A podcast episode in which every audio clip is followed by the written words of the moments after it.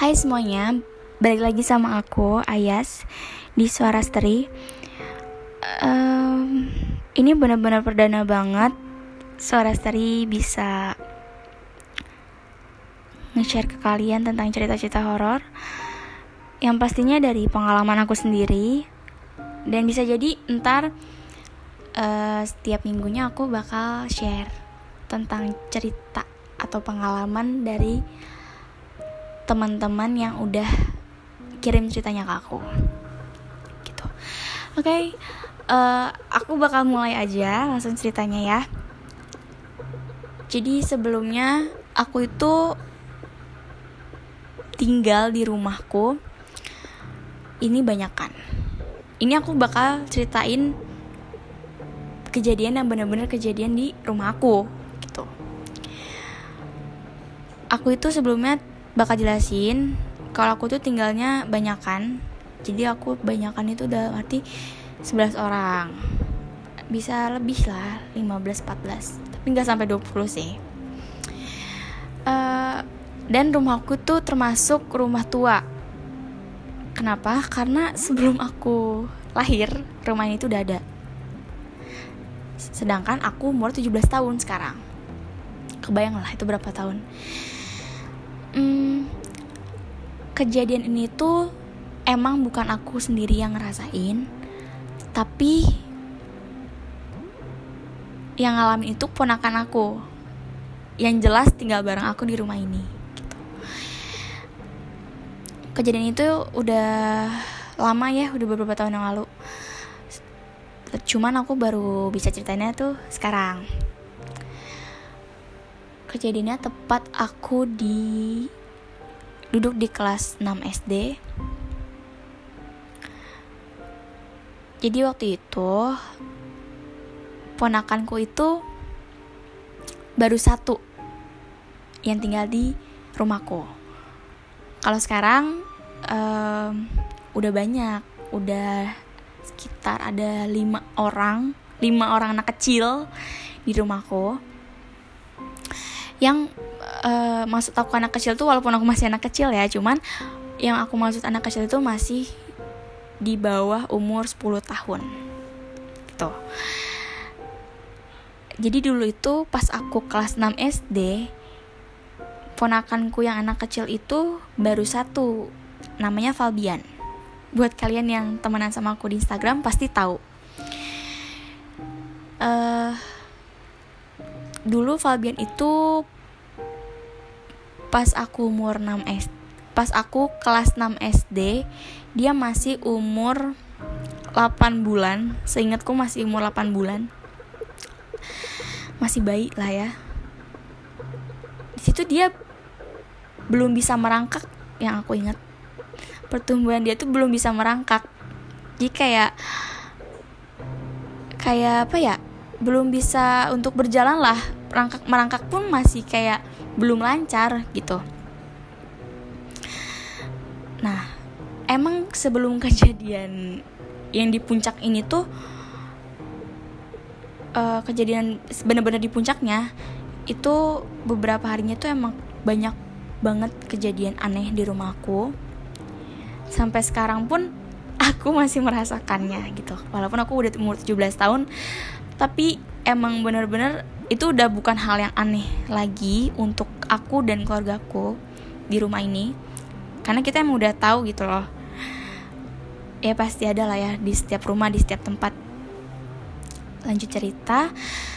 Um, emang udah banyak banget kan beberapa hari sebelumnya tuh kejadian-kejadian aneh gitu. Nah tepatlah pada saat itu malam malam-malam ya. Jadi sebelum kejadian malam ini tuh kemarinnya aku lupa tepatnya tuh hari apa. Jadi aku ingat banget di situ aku uh, pagi-pagi tuh diceritain kalau misalkan ponakanku ini yang namanya Falbian ini malam-malam jam 3 pagi itu dia digangguin aku sih mikirnya kayak yang oh iya jelas dia masih bayi gitu. Biasanya kan kalau yang masih bayi itu emang bener-bener masih harum banget ya masih wangi banget gitu. Dan pagi-pagi tuh jadi rutinitas keluargaku di rumah ini banyak kan karena aku tinggal banyak kan jadi tuh selalu kita tuh selalu uh, pasti ada aja di waktu luang kita tuh pasti ada ngobrol-ngobrol gitu. Kayak curcol-curcol ala-ala keluarga lah. Entah apa pun itu dibahas gitu. Di situ uh, Fabian itu tidur sama ayah dan ibunya gitu. Di kamar. Di kamarnya lah ya. Tigaan. Sekarang Fabian udah punya adik. Cuman di sini dia masih jadi anak tunggal. Uh, pagi-pagi itu ibunya ponakanku ini ibunya Fabian ini cerita ke mamaku. Kalau jam 3 subuh itu ada kejadian janggal. Uh, yang emang kita tadinya nggak kira-kira ya gitu ya nggak yang nggak nggak ngira-ngira gitu. Cuman nggak logika banget setelah aku tahu ceritanya. Jadi ceritanya itu jam 3 subuh kayak yang tadi aku bilang Fabian itu masih umur 8 bulan yang jelas belum lancar ya untuk ngerangkak. Ngomong aja belum bisa ya kan? Apalagi jalan. Nah keadaan posisi tempat tidur di kamar Fabian itu cukup tinggi posisinya. Cukup tinggi. Dan dia itu uh, aku lupa posisi tidur tidur itu gimana? Yang pasti Fabian itu ada di tengah. Jadi dia di tengah di antara ibu sama ayahnya. Ya kan? Nah di bawah tempat tidur itu di sudut kamar itu ada mainan Fabian kalau kalian kalian tahu nggak sih tempat permainan anak kecil, anak bayi yang anak bayinya tuh bisa ditidurin sambil ngeliatin gantungan yang gantungan kayak mainan-mainan yang digantung di atas jadi dia bisa mainin dari bawah gitu loh. Kayak sambil ngerangkak entah dari sambil tiduran atau sambil tengkurap gitu. Aku belum bisa terlalu mendeskripsikan karena susah dideskripsikan ya itu mainannya. Pokoknya uh, yang bunyinya tuh macam-macam kayak ada celing celing celing celing gitu. Atau nggak kayak main-mainan yang bisa di ada nyala-nyala gitu atau nggak kayak yang bunyi-bunyi musik-musik gitu. Tapi itu digantung posisinya ya pasti kalian tau lah bisa ngebayangin kan? Nah jam 3 subuh bener-bener jam 3 subuh tank Fabian itu tiba-tiba ada di bawah. Itu entah kenapa kayak aku juga yang nyitanya yang pas dengar ceritanya itu ya nggak logika banget sedangkan Fabian itu tidur di tengah-tengah ayah sama ibunya dia mau lewat mana ya nggak sih? Gitu. Itu pertama yang aneh. Dan yang kedua Fabian tiba-tiba ada di sudut kamar itu sambil di tempat permainannya itu.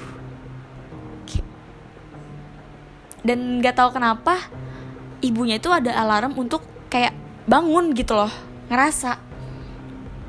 Pas dicek kok anaknya nggak ada di tengah gitu nggak ada di samping dia ternyata dilihat di bawah. Aku nggak tahu dia di bawah posisinya kayak gimana. Pokoknya tuh nggak lama nangis. Di situ dia nangis. Langsung lah diangkat sama ibunya ya kan? Uh, dicek lah badannya. Ada yang biru atau enggak takutnya kan di situ posisinya ibunya tuh masih uh, mikirnya masih logika ya masih pakai logika dan belum ada kaitan-kaitan ke sana ke arah ke arah sana gitu belum. Takutnya kan kayak dia kayak ngelinding lah tapi nggak mungkin banget kalau ngelinding tuh karena Fabian itu tidurnya uh, bener-bener di tengah bener-bener dirangkep di apa ya di tengah-tengah posisinya ayah sama ibunya gitu. Terus singkat cerita dicek badannya ternyata nggak ada yang biru. Sama sekali nggak ada yang biru. Bener-bener lebam tuh nggak ada. Tapi entah kenapa dia nangis. Gitu kan. Ya udah kan kita um, ya masih kayak oh mungkin gini gini, gini. tapi emang setelah mengait-ngaitkan dengan kejadian-kejadian sebelum hari-hari sebelumnya kita udah kayak mulai mulai mulai mulai parno tuh. Aku sama keluarga keluarga di rumahku tuh udah mulai parno. Berarti ini ada something gitu. Oke okay, terus uh, dua hari kemudian aku inget banget di situ tepatnya aku ada lomba di Jakarta. Lomba menggambar menggambar gitu sama mewarnai di Jakarta. Uh, itu apa program di sekolahku sih. Maksudnya sekolahku ngirim beberapa anak untuk lomba di Jakarta gitu kan. Aku tuh pulang malam dan dijemput sama mama papaku. Posisi udah malam dong itu sampai rumah. Sampai rumah udah rame tuh rumah. Kayak ra maksudku rame itu udah keluarga ku yang di rumah itu udah kayak riuh lah ya ribet sama pembahasan tentang horor-horor gitu aku kepo kan kayak kenapa sih kenapa sih? Gitu kan. Ternyata emang bener bener aja bener-bener ada kejadian aneh lagi di rumahku. Sampai pada akhirnya aku, uh, aku aku ini manggil ibunya Falbian itu teteh. Gitu kan.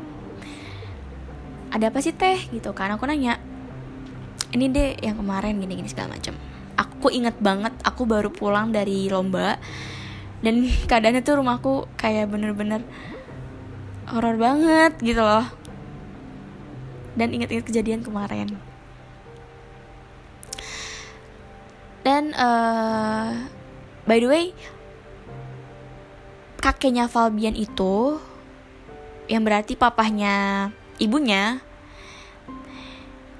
itu bukan paranormal sih ya hmm, gimana ya? Kayak sedikit lebih ustad bisa di bisa dibilang kayak gitu ya. Maksudnya yang orang kuat dalam agamanya lah ya. Dia datang tuh. Datang ke rumahku ngecek lah seluruh ruangan. Seluruh ruangan. Dan aku kaget banget setelah aku nanya ke mamaku. Kenapa sih mah mamaku cuma jawab kayak entar-entar gitu. Dan di situ posisinya entah aku ngomongnya gimana ya aku nggak tahu ini bisa dibilang pengusiran setan atau gimana aku nggak nggak tahu ya cara nyebutnya gimana. Yang intinya ada uh, salah satu ruangan di rumahku itu yang dibersihin lah ibaratnya ya dibacain doa karena menurutku itu emang itu gudangnya para uka-uka gitu. Jadi di rumah aku itu ada berapa ruangan ya? Satu dua tiga empat lima enam tujuh tujuh delapan aduh. Pokoknya rumahku itu berkelok-kelok banyak banget tikungan gitu. Banyak banget lorong lah intinya. Terus nah kejadian itu sebenarnya ada di kamar Falbian tepatnya dan ada di ruang cuci ruang cuci baju. Lokasinya itu di pojok rumah aku benar-benar di pojok dan belakang. Dan aku pun ngerasanya tuh lembab banget di sana tuh karena emang jarang banget aku dan keluarga aku itu kalau misalkan ke situ untuk cuci baju gitu. Atau emang kalau misalkan emergency gitu kalau misalkan keran keran dapur kotor aku tuh rusak atau yang nggak bisa nyala aku sama keluarga aku tuh nyuci piringnya di situ. Gitu kan. Tadinya tuh tadinya tuh dulu catnya biru biru tua gitu. Sekarang udah dicat warna putih dan lebih cerah pastinya kan. Dulu kebayang gak sih? Biru tua itu kan gelap ya jadinya. Dan ditambah emang kondisi ruangan itu tuh lembab gitu. Nah di situ posisinya yang aku bilang tadi tempat dibersihin ruangannya gitu. Aku nggak ngerasain dan aku nggak menyaksikan langsung. Jadi ini aku bener-bener dapat ceritanya tuh dapat dapat kayak kejadian itu dari kakakku yang cowok gitu. Karena di situ posisinya kakeknya Falbian abang abang aku dan ibunya Falbian yang ada di ruangan itu saat itu gitu kan. Yang lain tuh pada masuk ke ruangan. Itu bener-bener kayak menurut aku ya menurut aku itu udah kayak bener-bener uji nyali banget sumpah. Itu kita semua pada masuk ruangan dan sedangkan lampu tuh dimatiin gitu. Aku nggak tahu entah kenapa lampu suruh dimatiin mungkin untuk mancing si itu kali ya gitu. Maka dimatiin. Jadi dari sepanjang jalan dapur sampai sampai ruangan itu ruangan cuci baju itu tuh dimatiin. Bener-bener rumahku tuh gelap. Cuma kamar-kamar aja yang nyala. Dan itu emang tempat kita untuk mengungsi. Jadi sebaiknya kayak kita kita yang lain-lain selain abangku dan kakeknya Fabian dan ibunya Fabian itu kita semua mengungsi di kamar gitu. Termasuk Fabian dan Fabian terutama yang harus kita jaga banget gitu. Karena kan emang kenapa dia dan itu? Karena emang kejadian dimula dimula dimulai dengan kejadian yang dialami oleh Fabian ponakanku kan. Setelah abangku ceritain ke aku ternyata tuh tuh bener-bener nyata. Nyata bener-bener nyata. Kalian tahu kan uh, botol pembersih lantai ya kan? Abangku tuh ngeliat itu melayang sendiri. Bener-bener itu melayang sendiri. Kayak terbang botol itu terbang. Dan kalau nggak salah itu dalam keadaan lamp lampunya mati.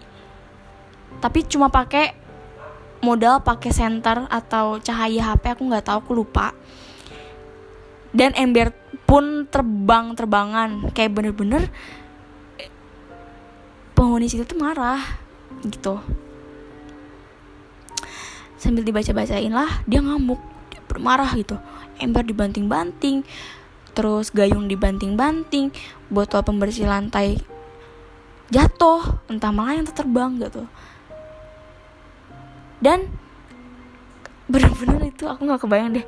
Untung gue nggak lihat gitu ya. Untung abang aku yang ngeliat dan katanya itu uh, si bot si kakeknya Fabian itu bawa botol. Botol itu botolnya isi kosong. Ternyata pas ditutup botolnya itu bener-bener dong ada asap. Aku nggak bohong bener-bener itu ada asap. Asapnya tuh mungkin jin kali ya aku nggak tahu pokoknya itu jin. Ya bener-bener aku kayak yang Duh gue abis pikir banget Kenapa bisa kejadian kayak gini di rumah gue? Creepy banget kan? Terus Udah lah ya Dari situ Ngobrol-ngobrol-ngobrol-ngobrol Setelah Itu selesai Lampu dinyalain semua Akhirnya diomongin lah Apa yang terjadi Di rumahku. Dan kalian tahu Aku bener-bener Kayak What? Speechless karena kok ada gitu loh di rumah gue yang kayak gitu bener-bener. Ternyata setelah dikasih tahu ada apa sih di rumahku? Setelah dikasih tahu ternyata uh, Falbian itu kenapa bisa tiba-tiba ada di bawah? Sumpah gue merinding. Itu karena dia dipindahin sama makhluk yang berupa jin. Aku tahu uh, postur tubuhnya seperti apa karena aku bener-bener dideskripsiin sama kakeknya Fabian itu yang bantuin untuk bersihin. Itu wujudnya berupa jadi si jin ini bantet buntet gitu buncit perutnya pendek warna hijau. Bukan buta hijau tapi emang warna hijau. Kayak aduh kebayang gak sih? Gue yang udah dewasa aja yang udah seumur ini takut gitu apalagi bayi gitu kan. Ibaratnya si Jin itu ngajak main ponakan gue. Ya gak sih? Duh gila. Terus setelah itu setelah dilihat-lihat lagi ternyata di rumah gue tuh ada genderuwo. Itu itu sumpah sih yang bener-bener bikin gue kayak oh my god berarti selama ini gue kecil ada makhluk kayak gitu. Dan gue baru sadar pas kelas 6 SD dan entah ya gue sekarang 17 tahun dia masih ada apa enggak. Gitu. Itu yang bikin gue kaget. Tuh. Selain itu gue langsung shock dong. Gue penasaran dong di situ. Nah nyokap gue tuh penasaran sama di sekitaran uh, kamar gue. Jadi gimana ya? Rumah gue itu terbagi jadi dua bangunan. Satu dua ada yang bangunan utama sama yang bangunan kedua itu. Nah gue tuh gue keluarga inti gue tinggal di bangunan yang kedua itu tapi masih tetap nyatu pint ada pintu gitu buat nyatu ke bangunan yang utama gitu loh. Pokoknya susah deskripsiin. Pokoknya rumah gue sekiranya kayak gitulah ya. Nah mama gue tuh pengen kakeknya Fabian lihat di bangunan kedua ini yang gue sama keluarga inti gue tuh tinggalin. Ada apa aja di situ ya kan? Karena posisinya di situ gue belum uh, belum haid belum maksudnya belum belum ada di fase datang bulan gue masih suci di situ. Sedangkan yang lain tuh udah udah udah datang bulan gitu loh. Sedangkan gue situ belum kan. Gue belum balik di situ. Nah syaratnya itu gimana caranya supaya bisa lihat harus yang masih suci oh my god. Berarti gue dong. Ya gak sih? Karena gue di situ posisinya gue belum balik. Gue memberanikan diri. Oke aku mau. Dan gue stupid banget. Gue ya Allah kayak kenapa gue waktu itu mau gitu? Tapi nggak apa-apa sih pengalaman buat gue tersendiri ya. Cuman creepy gak sih? Anak kecil ya wajar anak kecil masih kepo kepo kepo, kepo gitu soal soal soal kayak gitu paling demen kan. Sekarang aja gue masih demen banget kalau soal untuk horor. Di situ gue mengajukan emang mama gue tuh nyadar uh, kayak nanyain gitu adi mau nggak? gitu. Gue nggak tahu kenapa mama gue nawarin gue dan gue mau dengan senang hati gitu kan. Iya mau. Dibukalah mata batin ibaratnya gitu ya. Pokoknya dalam pokoknya gue ngeliat hanya untuk saat itu aja gitu demi Allah itu gue bener-bener deg-degan banget. Gue takutnya tuh setelah gue dibacain dan gue bisa buka mata gue takutnya gue malah jeng-jeng depan mata gue itu bener kayak aduh am amsyong deh gue.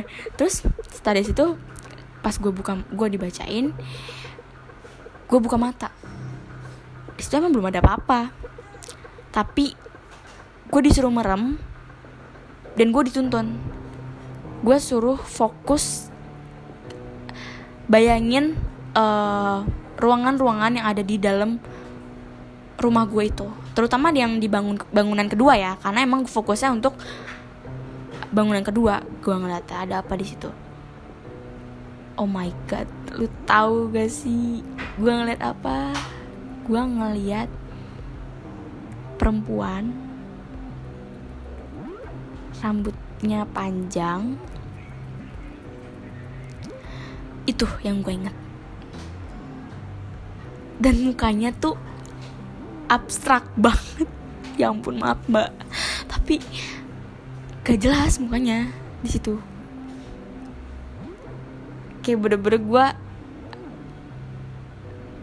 gak gue nggak mau gitu. Dalam hati gue gue bener-bener kayak lagi jalan di pikiran gue ngerti gak sih? Gitu.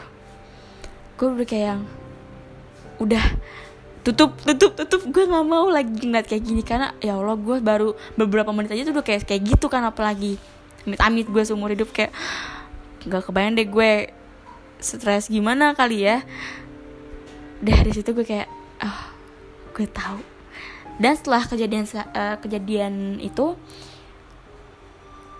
ya lebih gue dan keluarga gue lebih banyak untuk uh, ngaji lebih banyak untuk sholat berjamaah walaupun emang sebelum kejadian itu pun emang keluarga gue ya sama pada keluarga-keluarga yang pada umumnya sholat berjamaah. Cuman emang lebih lebih dibanyakin lagi waktu untuk ibadahnya gitu setelah kejadian itu. Gitu aja sih kayak cerita gue untuk hari ini uh, kalau emang ada lagi cerita yang mengerikan gue bakal langsung ceritain di sini. Semoga cerita yang tadi bisa menghibur kalian yang lagi di rumah atau lagi di jalan atau lagi di mobil ya kan? Semoga bisa diterima dengan baik gitu. Oke? Okay? terima kasih sudah mendengarkan suara story. Dadah